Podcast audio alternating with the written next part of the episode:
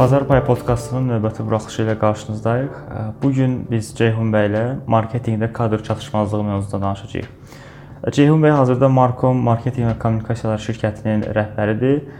Markom olaraq onlar yerli bazar iştirakçıları üçün marketinq həlləri təqdim edir və yeni marketinq xidmətlərini generasiya edirlər.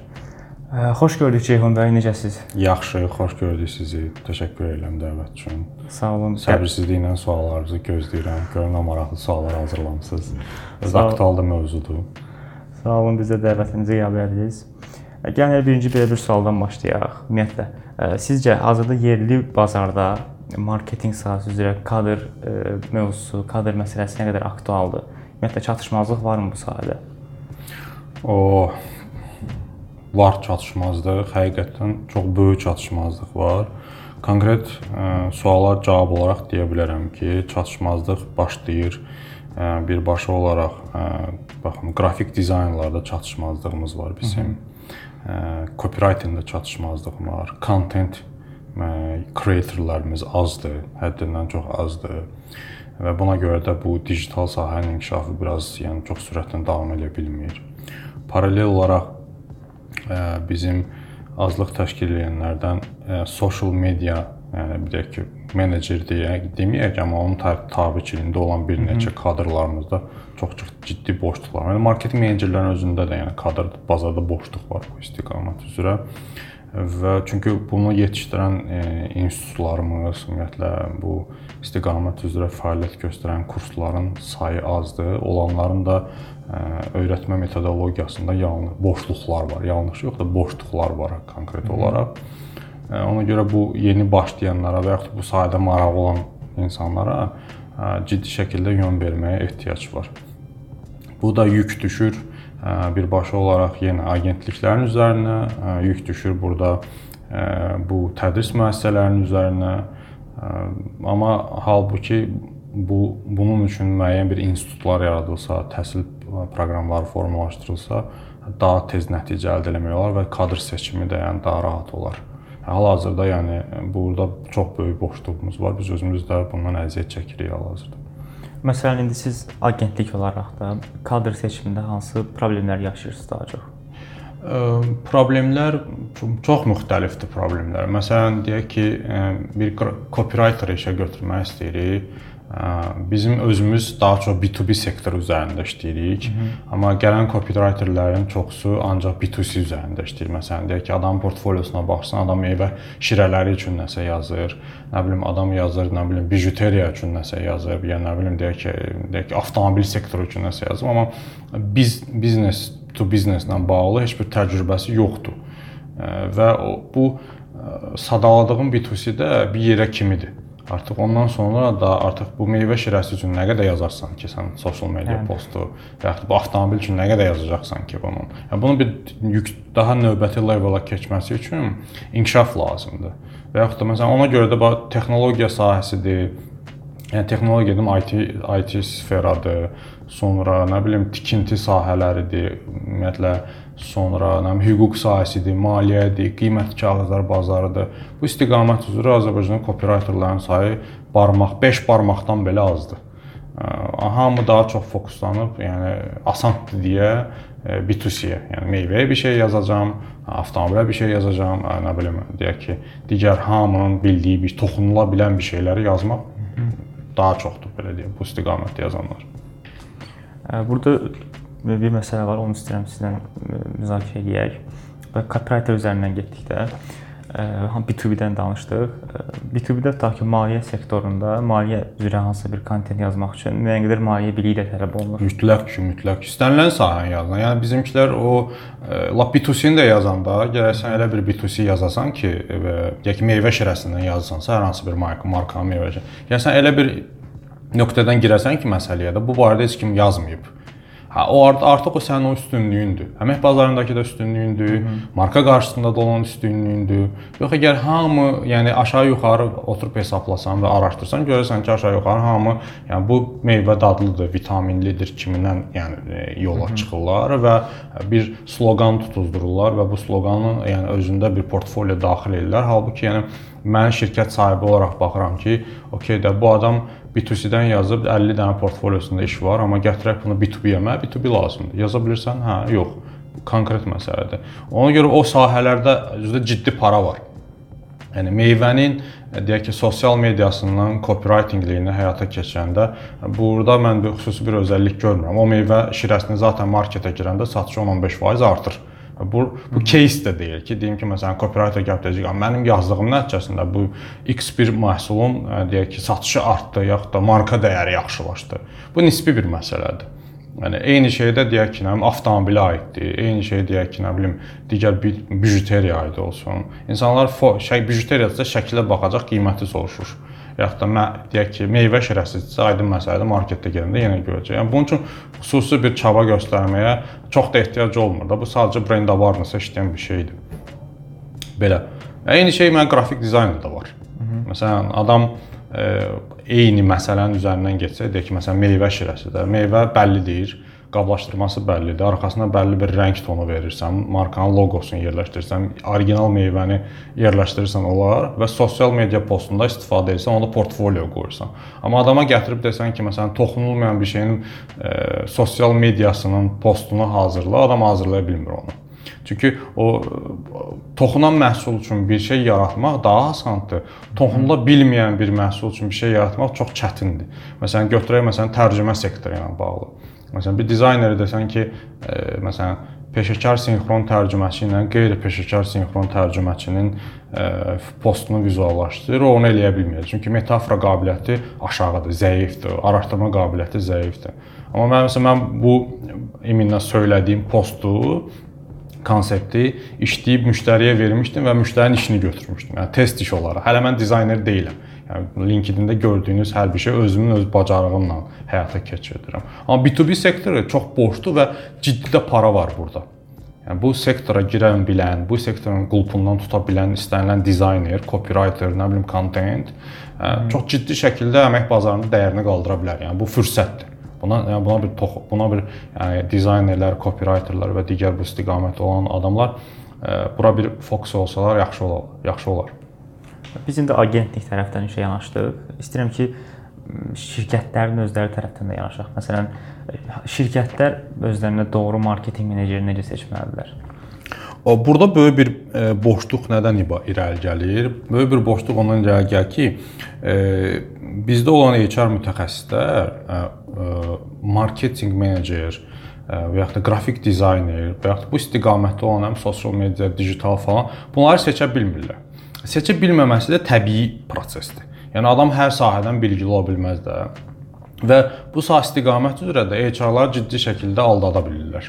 Məsələn, qrafik dizayner özünə aid olmayan işi orada qoyub deyə bilər ki, bunu mən eləmişəm və yaxud da işi qoyur deyir ki, bu mənim məhsulumdur, yəni mən bunu eləmişəm. Halbuki bu işin ərsəyə gəlməsində bir komanda rolu oynayıb. Hı -hı. HR bunu görə bilmir. Yəni o səhnə arxasında nə baş verir, bunu görə bilmir. Və yaxud da bir test işi verirlər.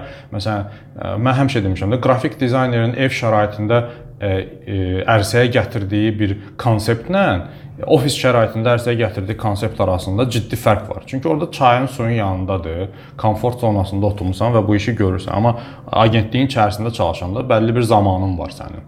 Yəni sən bunu bir deadline var. Bunu yəni tez bir zamanda həyata keçirdib verməlisən.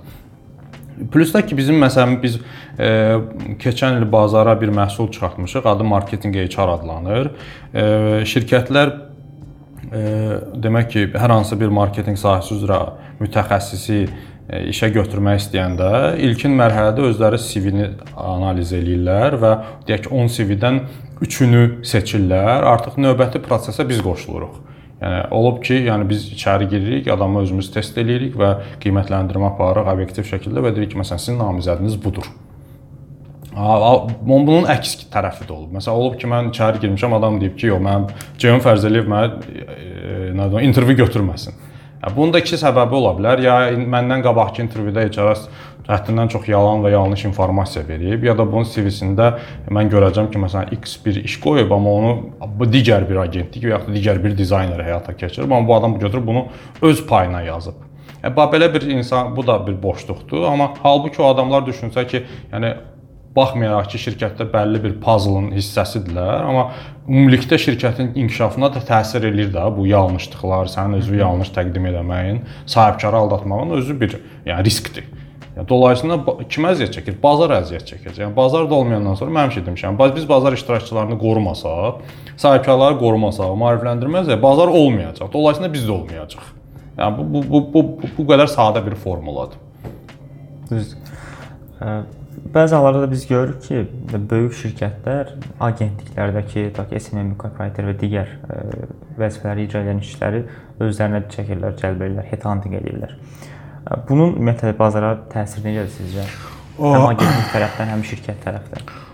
Demək, burada məsələ necədir? Burada əgər böyük bir şirkət, bank, nə bilim telekommunikasiya şirkəti falan hmm agentlikdən arası bir copywriteri ya dizayneri götürürsə, özünə transfer eləyirsə, bunun agentliyə mənfi tərəfi odur ki, agentliyin digər deyək ki, agentlik daxı digər şirkətlərə xidmət göstərir. Aha. Sən onun ən güclü kadrını götürürsən, dolayısıyla yerdə qalan onun digər müştərilərinə də ə, e, təsirini göstərir. Yəni işin keyfiyyətində dəyiş dəyişiklik baş verir, qarşı tərəf də bunu hiss eləyir. Ancaq bu digər tərəfdən məsələyə baxanda orada da nə risk var? Deyək ki, mən ən güclü art direktorumu götürdün X bir bank. Allah yaxşı. Bu bu art direktoru nə edirsən? Çərçivəyə salırsan. Adam ancaq bank işi görür. Yəni agentlikdə onda fərqli sahələr üzərində ixtisaslı, yəni inkişaf eləyir. Amma ə, şeydə isə bankda isə ancaq bankdır. Agentlikdə qərar vermə mexanizmi, işi E, qarşı tərəfə satma ehtimalı daha yüksəkdir. Məsələn, bank strukturunda fərqli bir levellar var da. Yəni bunun okeylənməsi bəlli bir proseslərdən keçir. Dolayısıyla da bu edit sayını çoxaldır. Nə bilim, brief düz gəlməyəndə, brief düz gəlməyəndə edit sayını çoxaldır və yaxud hər kəsin bir başqa bir vizyonu olur. Nə bilim, iç iş gecikir. Yəni nəticədə art direktor və yaxud istənilən bir marketinq sahəsində olan adamın həvəsi ölür sən artıq limitlənmiş olursan, yəni bir istiqamətdə inkişaf edirsən. Amma agentlikdə isə çox geniş istiqamətlər var ki, sən orada özü test edirsən, inkişaf edirsən və portfolyovu rəngarəngləşdirirsən. Və dolayısıyla bankdan gələn, bankda olub da paralel freelans iş görəndə də istər-istəməz yenə də o işin keyfiyyəti mən fikir verirəm ki, həmişə aşağı düşür. Niyə? Yəni sənin bir zaman limitin var. Sən işdə 6-da çıxırsan və yorğun beyinlə evə gedirsən, aşağı-yuxarı saat yarım yolda vaxt xərcləyirsən falan. Sən başlasan saat 2-də bunu işləməyə, deyək ki, freelans olaraq. Qarşı tərəfin deadline-ına girirsən, nə bilim, e, enerjin o istiqamətdə olmur. Nəticə etibarilə onun işin keyfiyyətinə təsir edir bu proseslər. Bu bir də banklar da və yaxud da nə bilim böyük şirkətlər də anlamalıdır ki, agentlikdən bir böyük bir bir bir kadr götürəndə güclü bir kadrı, dolayısıyla yenə özlərinə də ziyan edirlər. Niyə? Çünki bu or kiçik və orta sahibkarlıq yenə gəlir o bankdan kredit götürür də. Əgər bu kiçik və orta sahibkarlığın marketinqi düz olmayanda e, nəticə etibarilə o dolayısıyla bu kreditin ödənişini həyata keçirə bilmir də. Mexanizm bir evet. zəncirvari məsələdir də. Amma halbuki onların əllərində resurs var ki, o resurs nəticəsində e, onlar e, yetişdirə bilərlər də. Amma agentliyin yetişdirmə şeyləri məhduddur. Məsələn, yer baxımından məhduddur, vaxt baxımından məhduddur, maliyyə resursu baxımından məhduddur. Çünki Hı -hı. agentliklər özləri özlərinin maliyyələşdirirlər. Bank isə yəni bir çox maliyyələşmə metodları var onlarda və yaxud nə telekommunikasiya şirkətləri, yaxud böyük holdinqlər falan. Ona görə onların içərisində bir akademiya yaradıb da bazara nə bilim SMM-çi, nə bilim SMM menecer, copywriter, dizayner, nə bilim content manager generasiya etməyi əslində yaxşı olar. Bunu mutual şəklində agentliklərlə banklar işləsələr, mənə elə gəlir bazarda çox yaxşı yəni kadrlar yetişdirmək olar. Yəni var. Amma mənə gəlir X bir adam təcrübəçi, Mən onu otuzdururam art direktorun yanında və yaxud da qrafik dizaynerin yanında. Axı mən qrafik dizaynerə sənə yanıma təcrübəçi gətirəcəm deyə bir şey danışmamışam əvvəlcədən. Və gətirirəmsə mən dolayısıyla adamın maaşını da artırmalıyam ki, o ona zaman xərcləsin. Və paralel olaraq mən onu ondan sonra da anlaya bilmərəm ki, sən niyə bu işə aşağı keyfiyyətli verirsən və yaxud vaxtında vermirsən. O da qayıb deyəcək, qardaş, sən mənim yanıma adam gətirmisən bura. E, və dolayısıyla mənim zamanım da ona gedir. Mən necə sənə yaxşı keyfiyyətli iş verim? Yəni yüz yəni proseslər bir-birinə bağlıdır. Ona görə bunu e, məncə gəlir iki qurumlar, yəni böyük şirkətlərin, agentliklər mütləq şəkildə bu istiqamət üzrə də əməkdaşlıq etməlidirlər. Sizcə bu dedikləriniz də ümumiyyətlə ümumi götürdükdə e, bu kadrlarında dizayner, SMM, copywriter, content manager və s. digərləri e, işlərini tez-tez dəyişmə tendensiyasına səbəb ola bilirmi? Yoxsa burada başqa problemlər mi var? Burada əsas faktor maliyyədir. Burada əsas faktor odur ki, adamlar deyir ki, məsələn, maaşım yaxşı olsun, nüfuzlu bir yerdə işləyim və belə deyək də çoxlu iş görməyim. Yəni bir istiqamətli iş görüm. Amma bu digər tərəfdən də riskləri də özü başa düşməlidir ki, bu komfort zonasında komfort zonasına düşür və komfort zonasında da sonra inkişaf eləmək çətin olur. Çıxmaq çətin olur ki, inkişaf eləyəsən. Yəni bax bu bu kimi boşluqlar var. Amma bunu çox görürəm əslində, yəni. Bəs ə, e, həmin əməkdaşların da bu tip kadrların əlavə freelance işlər götürməsi ə, bayaq bundan biraz danışdıq, istəyirəm biraz daha Freelance bazarı Azərbaycanda birinci onu deyim ki, niyə çox inkişaf eləyə bilmir? İnkişaf etməmə səbəbi ondan ibarətdir ki, e, freelance çalışanların özünün time managementində problem var.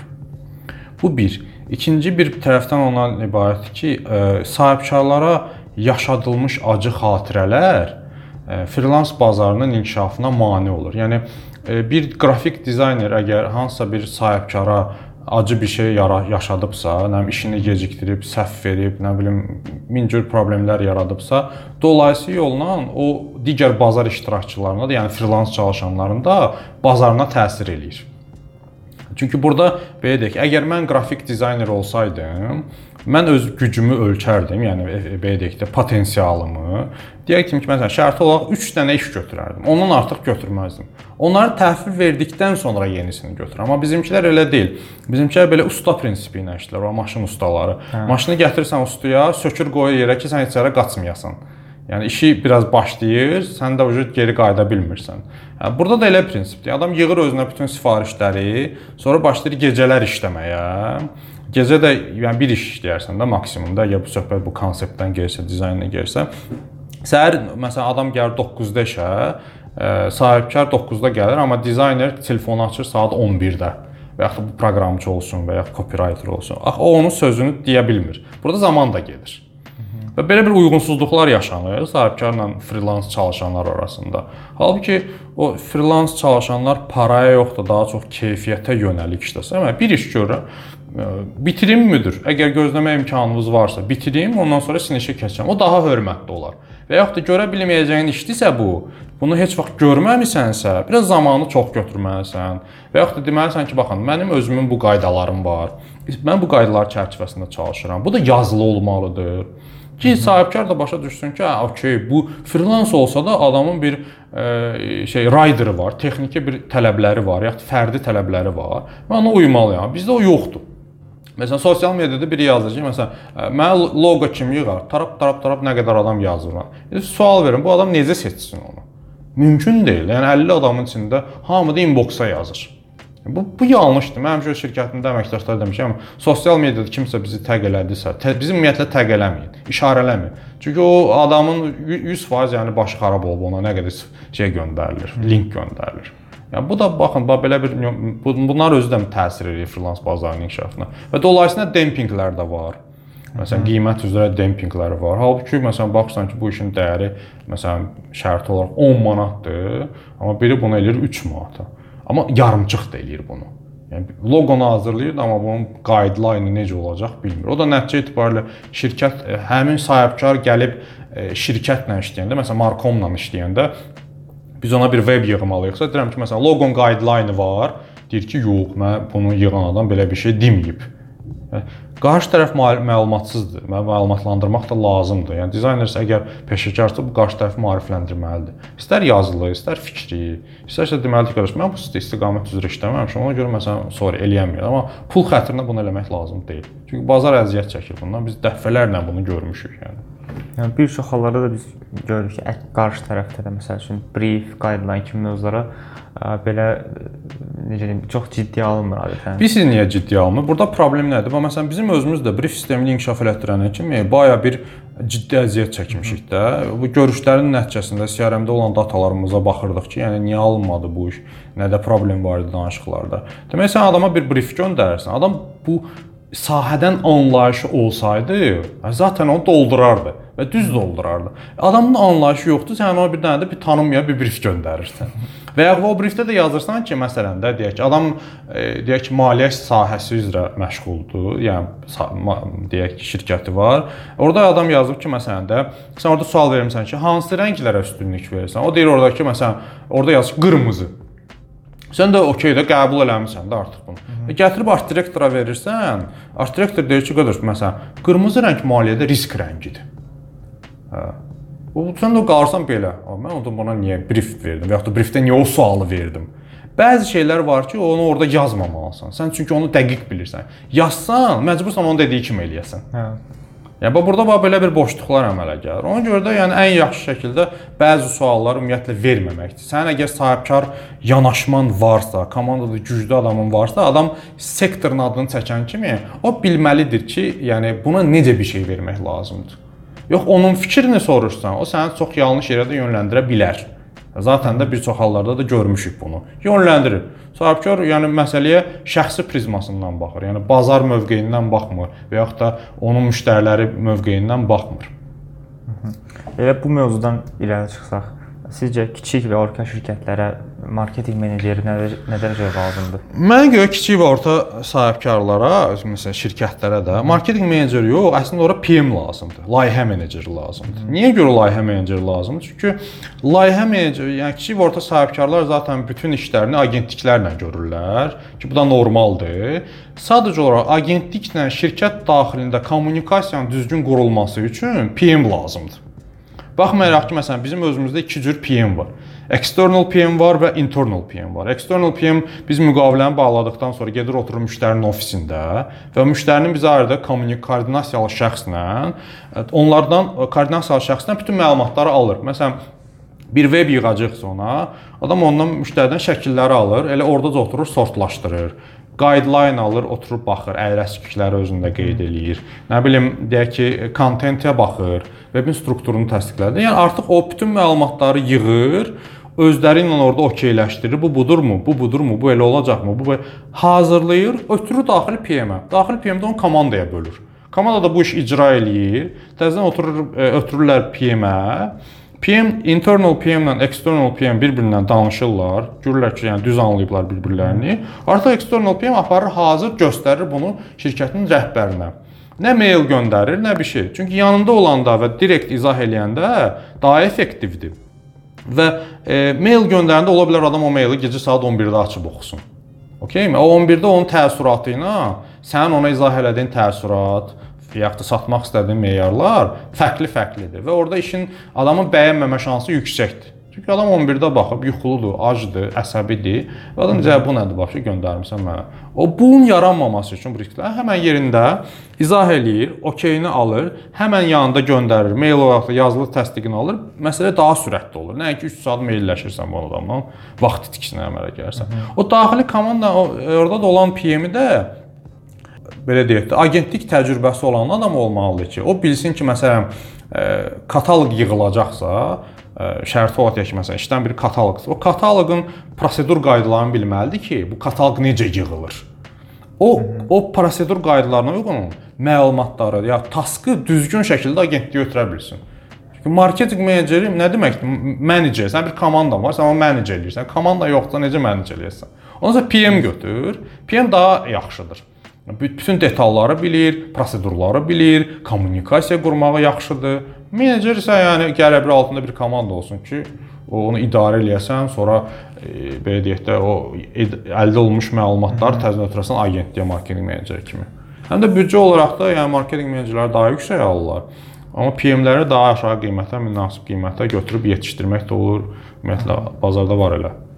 Elə yetişdirmək demişkən bununla bağlı bir sual verim belə dediniz, PM məsələn kataloqun necə hazırlanmasını bilməlidir və s. Bəli. Bunu öyrənmək üçün məsələn bazarda e, hansısa bir kurs və s. bu səviyyədə bir e, sillabusa belə deyim, mənim qarşıma çıxmayıb düzündə sən. Təəssüf ki, yoxdur. E, yoxdur. Biz özümüz məsələn e, yetişdiririk. Amma mən 10 nəfəri şirkətimə ala bilmirəm. Bəli. Elə bununla bağlı bir sual vermək istəyirəm. Sizcə bu təhsil və təcrübə, real praktika arasındakı o körpünü necə qurmaq olar? Sizin düşüncələriniz nədir bu barədə? Mən düşünürəm ki, bu marketinq təlimlərində daha çox praktikliyə üstünlük vermək lazımdır. Bir də ki, marketinq təlimi bu çox ümumi səslərdir. Bunun gör nə qədər törəmə e, törəmələri var. Məsələn, onlar olsaydı ki, məsələn də deyək ki, e, PM kursları, yəni marketinq PM kursları, hə bu, daha yaxşı olardı. Adam orada daha çox şey öyrənəcək. Yəni webin webi necə işləmək lazımdır komanda ilə və ya müştəri ilə, brendinqi necə işləməklə, müqaviləşdirməni.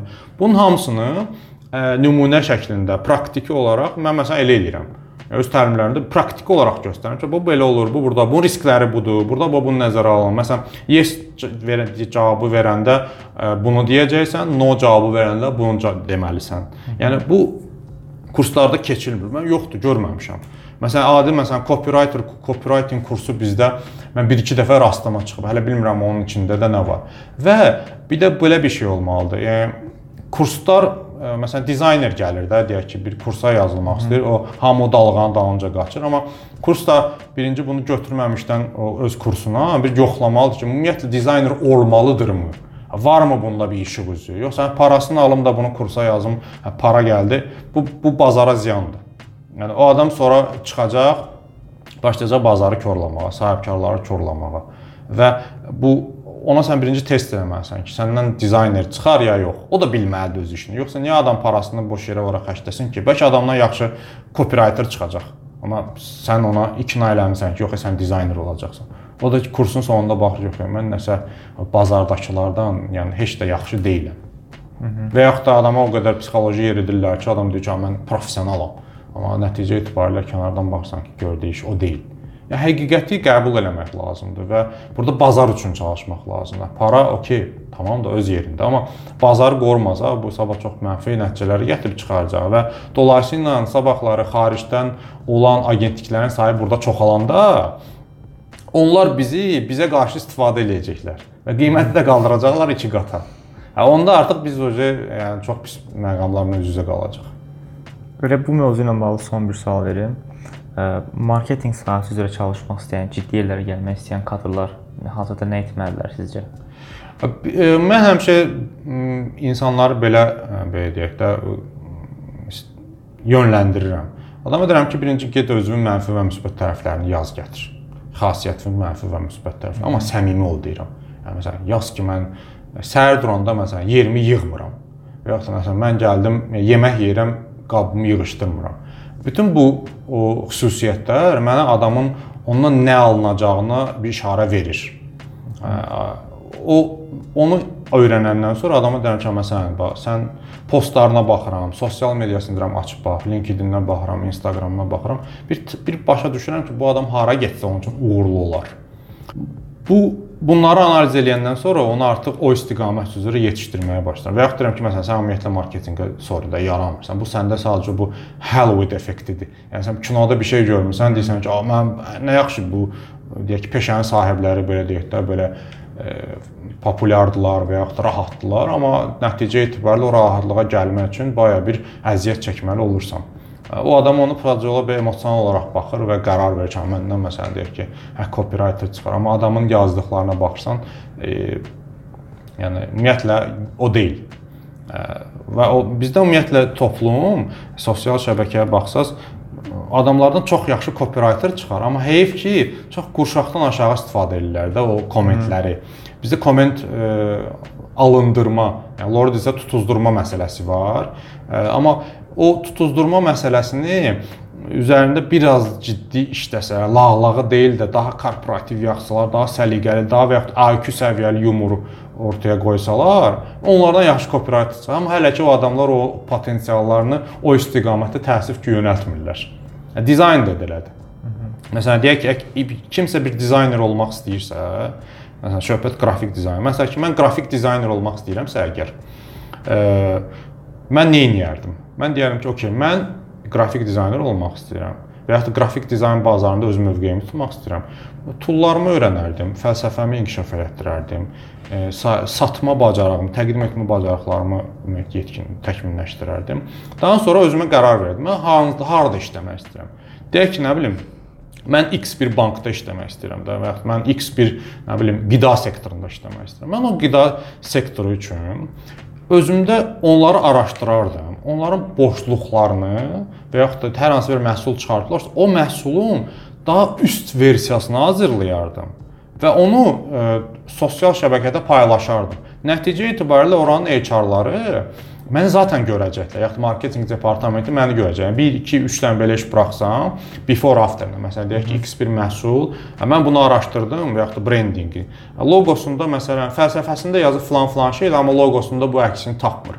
Mənim öz məndə yaratdığımda isə bax bütün bu faktorlar öz əksini tapıb.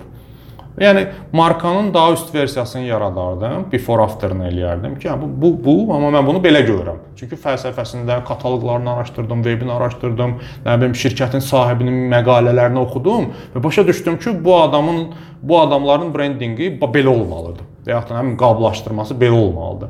Onda daha çox bazarda mövqe tutacağam daha yaxşı gəlirim olacaq və daha belə deyək də yaradıcı olmağa. Yəni fokus o net olmalıdır insanlarda. Yoxsa ki, hər şeydən dizayn eləmək bu biraz mümkün deyil. Bir şey təkmil öyrən. Məsələn, brendinqi təkmilləşdir öz özündə. Sonra keç qablaşdırma elə. Yox, hərəsində çünki qablaşdırma özündə gizli detalları var. Sən elə məsələn bıçaq çıxarda bilmirsənsə, kəsimi və yaxud da nə bilim QR şey o nədir onun adı, barkodun harda olacağı ilə bağlı, neçə santimetr olacağı ilə bağlı və yaxud da qanunvericilikdə qablaşdırmanın üzərində olan fontlar, şriftlər, şriftin ölçüsü nə qədər olacağını bilmirəm. Sən boş-boş yerə qablaşdırmanı mokap eləyib o yerə qoymağın bir adı yoxdur. Burada psixoloji faktorlar var. Məsələn, bir məhsul isti işıqda necə görünür, soyuq işıqda necə görünməlidir, rəf, rəfdə necə olacaq bu. Bunlar hamısı faktordur. Yəni hansı rəng tonlarından istifadə etsəm psixoloji olaraq insanı cəlb eləyə bilər.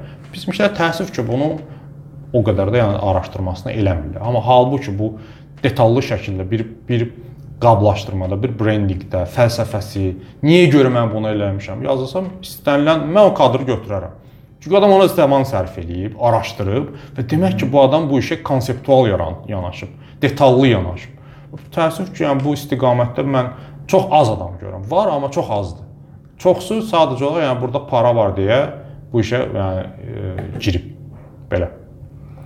Təşəkkürlər dəvətimizi qəbul etdiyiniz üçün. Buyur, mənim Məncə, çox xoş oldu. Ümid edirəm çox yəni faydalı oldu dediklərim. Məncə maraqlı bir söhbət alındı. Ümid edirəm dinləyicilərimiz üçün də belə olar. Tamam, qərarı onlara buraxaq o zaman. Təşəkkür edirəm. Var olasınız, minnətdaram. Sağ olun. Sağ olun.